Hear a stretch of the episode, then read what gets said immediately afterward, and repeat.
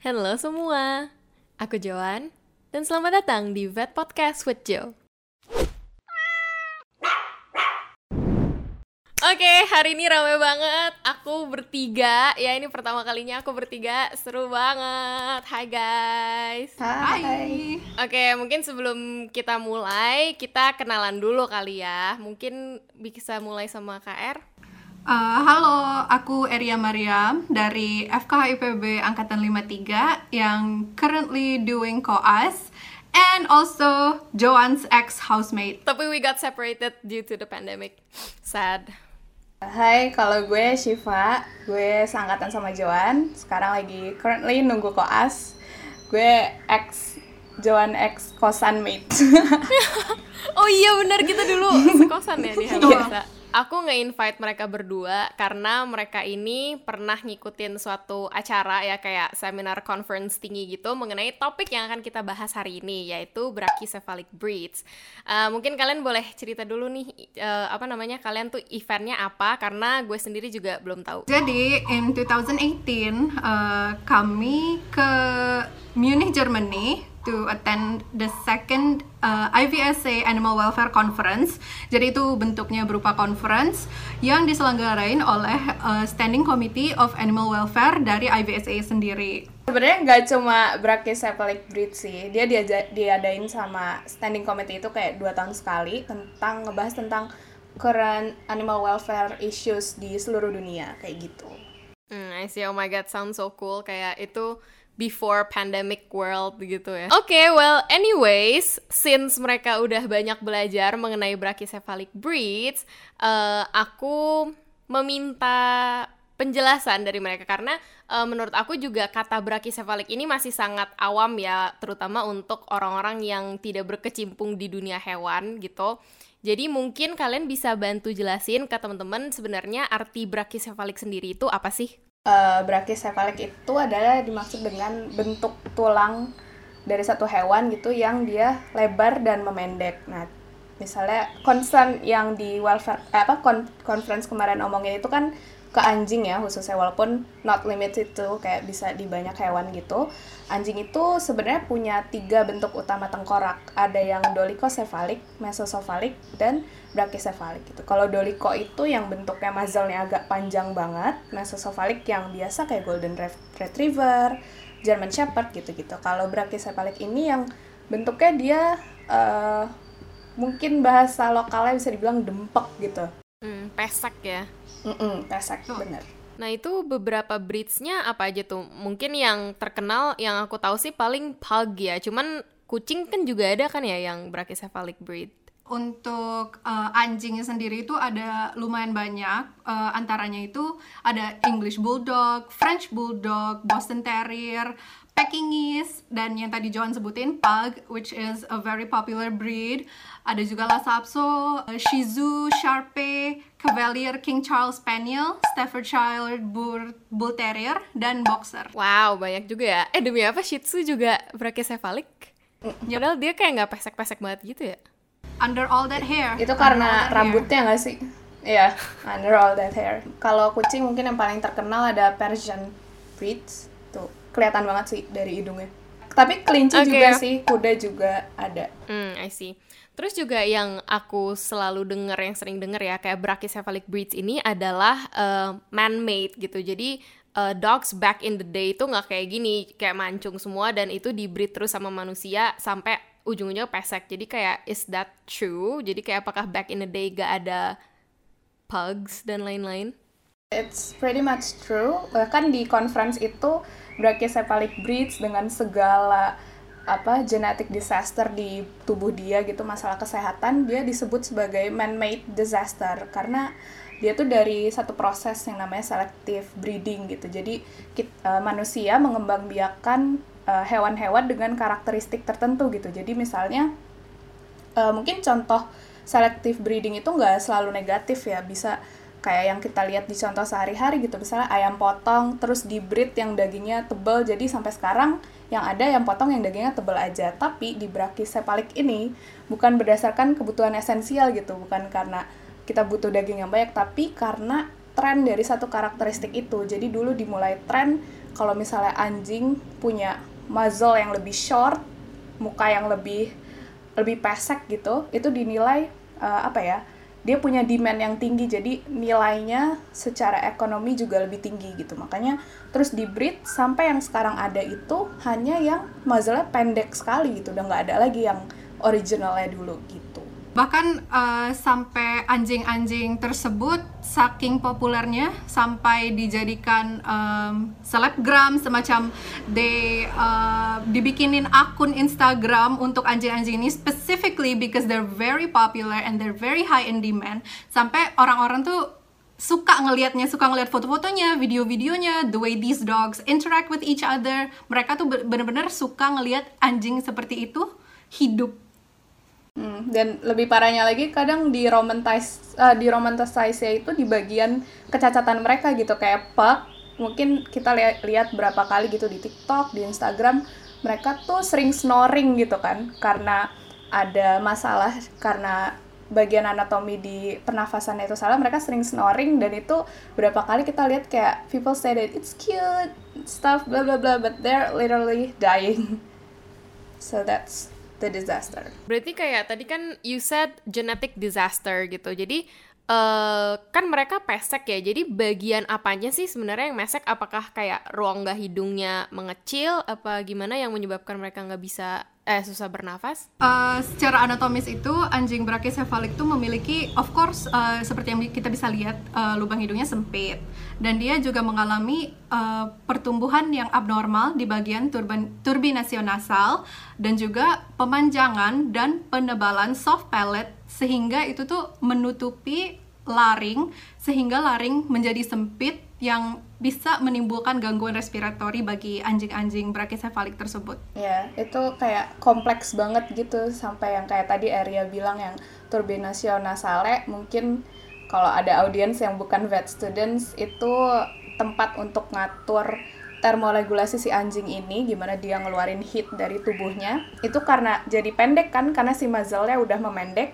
jadi heatnya itu stuck di dalam tubuhnya gitu. Dia punya masalah di situ. Jadi makanya sering juga ada kejadian dia lagi exercise doang dia overheat gitu. Selain apa uh, obstructed airways juga tadi masalah. Berarti dia kayak pantingnya juga lebih susah dong ya? Exactly. Benar banget. Berarti selain dari dia sulit napas maksudnya kayak ya airflow-nya terganggu gitu is there any further health issues yang kayak misalnya lungnya kenapa atau jantungnya kenapa Health issues lain yang dapat dikaitkan dengan anjing brachycephalic yaitu sering terjadinya kasus distokia di mana uh, anjing seperti anjing pug misalnya yang memiliki badan yang sangat kecil dan dengan kepala yang uh, lebar yang tidak proporsional dengan ukuran pelvis mereka mengalami kesulitan untuk melahirkan sehingga terjadi kasus distokia.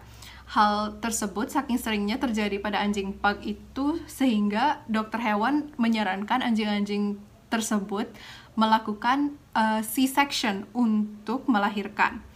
Hal ini uh, tidak natural bagi anjing-anjing karena sepatutnya ya anjing melahirkan dengan cara biasa, tidak perlu dengan cara C-section. Terus berarti what do you think? Maksudnya kayak berarti ini secara apa ya? I mean it's really obvious mereka have health issues. Dan kalau misalnya emang dibreed sama manusia berarti kayak nggak welfare gitu nggak hmm. sih? Berarti kayak what do you think should we stop the breeding of these breeds? Karena kan sekarang udah banyak banget nih kayak Shih Tzu, Pug segala macam. There's no way we can like stop them gitu kan? Mungkin kalau dokter hewan sendiri bisa lebih aware gitu ya karena ada breeds yang kayak gini dia predisposisi dari penyakit apa gitu. Sebenarnya kalau yang apa ya, yang kuratifnya itu ya itu kita we keep doing the operation uh, the surgery procedure karena palato molenya kepanjangan harus dikeluarin atau uh, biasanya oh dioperasi gitu mm -mm. tah korektifnya mm -mm. ya berarti? Bener. Kadang hidungnya na apa nostrilsnya itu juga dia ketutup gitu jadi harus di apa dibuka gitu. Demi apa di di conference itu tuh kita ngebahas tentang operation procedure ya dari keluarin palato mola terus nge apa biasanya tuh pakai electrocauter buat biar lebih kebuka lagi si nostrilsnya kayak gitu. Tapi not limited to respiratory disease sebenarnya. Kayak karena tengkorak itu dia semakin apa ya, semakin pesek si eye socketnya ini juga ada perubahan kan. Makanya mereka prone to ocular disease as well. Kayak gampang lebih gampang iritasi terus juga ada masalah sama palpebral fissures ya. Jadi kayak kadang ada masalah buat ngedip kayak gitu-gitu. Jadi sebenarnya ya banyak banget masalahnya. Belum lagi kadang uh, mereka juga kayak screw tail gitu. Jadi ekornya tuh kayak ah iya iya hmm, iya. that's a problem as well. Karena si screw tail ini as well as the skin on the face mereka juga ada skin fold gitu kan. Nah itu prone to dermatitis juga. Da, sama yang di muka juga prone to des- dermatitis because of the skin fold Hmm, kayak gampang kotor gitu-gitu ya. Ciri lain yang juga dikaitkan dengan masalah kesehatan pada anjing brachycephalic termasuk screw tail yaitu uh, ekor yang melingkar pada anjing-anjing brachycephalic yang memang kalau dilihat tuh memang lucu tapi tanpa disadari uh, ciri tersebut dipertahankan dengan uh, tanpa sadarnya terhadap uh, penyakit yang dapat diturunkan uh, yaitu penyakit hemivertebrae di mana uh, terjadi masalah pada tulang uh, belakang yang dapat menyebabkan anjing-anjing seperti anjing pug, anjing uh, French bulldog, English bulldog uh, mengalami ataksia atau paresis tulang panggul. Uh, dan kalau parah bisa kehilangan refleks, kifosis, lordosis, serta skoliosis dan berbagai macam penyakit-penyakit uh, tulang punggung yang hanya dengan mempertahankan tail tersebut dapat terjadi pada anjing-anjing brachycephalic tersebut. Hmm, neural problems as well because of that confirmation Wow. Kayak I've heard some health issues about brachycephalic dogs, cuman kayak ini gue baru tahu sih mengenai screw tail ini. Dan kayak what do we do as like vet students? Sebagai mahasiswa kedokteran hewan, mungkin uh, brachycephalic memang sudah diajari uh, saat kuliah, namun uh, tidak secara mendalam dan tidak dijelaskan bahwa uh, walaupun ia dikategorikan sebagai kecacatan, uh, namun terdapat breed-breed anjing yang sekarang uh, memiliki tengkorak brachycephalic. benar-benar jadi sebenarnya kuncinya mungkin kita spread awareness lebih lebih kuat lagi terutama among vet students ya karena kita pasti harus edukasi pasien kita juga as well as breeder gitu. Kayak kita harus kasih tahu apa sih health problemsnya gitu dari selective breeding ini. Not limited to brachycephalic actually karena banyak juga masalah lain gitu kan. Jadi kita harus pertama sih sebagai vet students kita harus aware kalau ini tuh ada terus ke dokter kalau nanti kita jadi dokter harus edukasi breeder terus juga uh, orang masyarakat umum. Karena sebenarnya tren ini kan kenapa bisa sampai ada demand kayak gini gitu? Karena ada tren tertentu gitu. Banyak banget yang dia dijadiin selebgram atau selebgram atau musisi itu banyak banget kan yang melihara. Like actually French Bulldog is number two the most popular dog breed in America. So kayak bisa dibayangin gitu loh. Dan kayak bahkan di negara maju yang mereka udah sering banget nih ngulang-ulang dan amplify informasi ini ini tuh belum tentu semua orang tahu gitu loh kalau itu tuh kecacatan kayak gitu jadi spread awareness gitu supaya nggak continue to breed uh, yang apa ya ngeset tren yang nyiksa buat anjingnya kayak gitu Well, that's what we're doing now. True. So we're doing something good. Sebenarnya ini ini pertanyaan pribadi gue sih. Sebenarnya gue juga jadi kepo kayak ini kan breednya udah ada gitu ya. Maksudnya kayak Shih Tzu, Pug gitu tuh kayak udah ada gitu loh. Jadi kayak kemarin sih kalau di conference itu yang gue inget tuh kayak kita pasti ada rencana long term sama short term gitu short term pasti kita harus spread awareness yang dia bakal berdampak ke long term juga we we gonna stop the breeder are gonna stop to breed those the formalities kayak mereka bakal mungkin bisa dibilang kayak reverse selective breeding. Kayak kita select lagi yang mana yang lebih welfare gitu karakteristik apa yang uh, lebih welfare gitu. Misalnya pasti kan bisa dibalikin lagi walaupun kayak mungkin it takes maybe a hundred years buat pilih lagi mana nih yang nggak terlalu panjang yang ekornya. Karena nggak semuanya gitu loh Jo yang pigtail kayak nggak semuanya kayak ada degree-nya gitu ya. Iya betul betul ada yang pesek banget ada yang pesek aja gitu Uh-uh. Iya iya iya betul betul. So we we can still make some change. not too late never too late anjay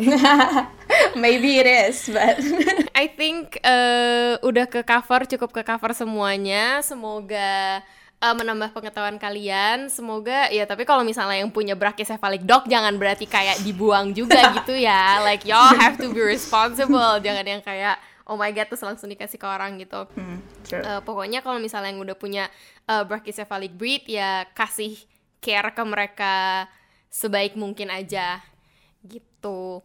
Well, thank you so much KR dan Shiva. Maaf nih direpotkan sore-sore. Thank you so much for being here. And yeah, that's it for this episode. Jangan lupa untuk cek caption di bawah karena aku bakal sertain artikel-artikel mengenai hal-hal yang udah kita bahas barusan. Dan juga jangan lupa untuk di-share biar bisa bermanfaat bagi orang banyak, terutama untuk para pet parents di luar sana. Thank you very, very, very much. And see you guys in the next episode.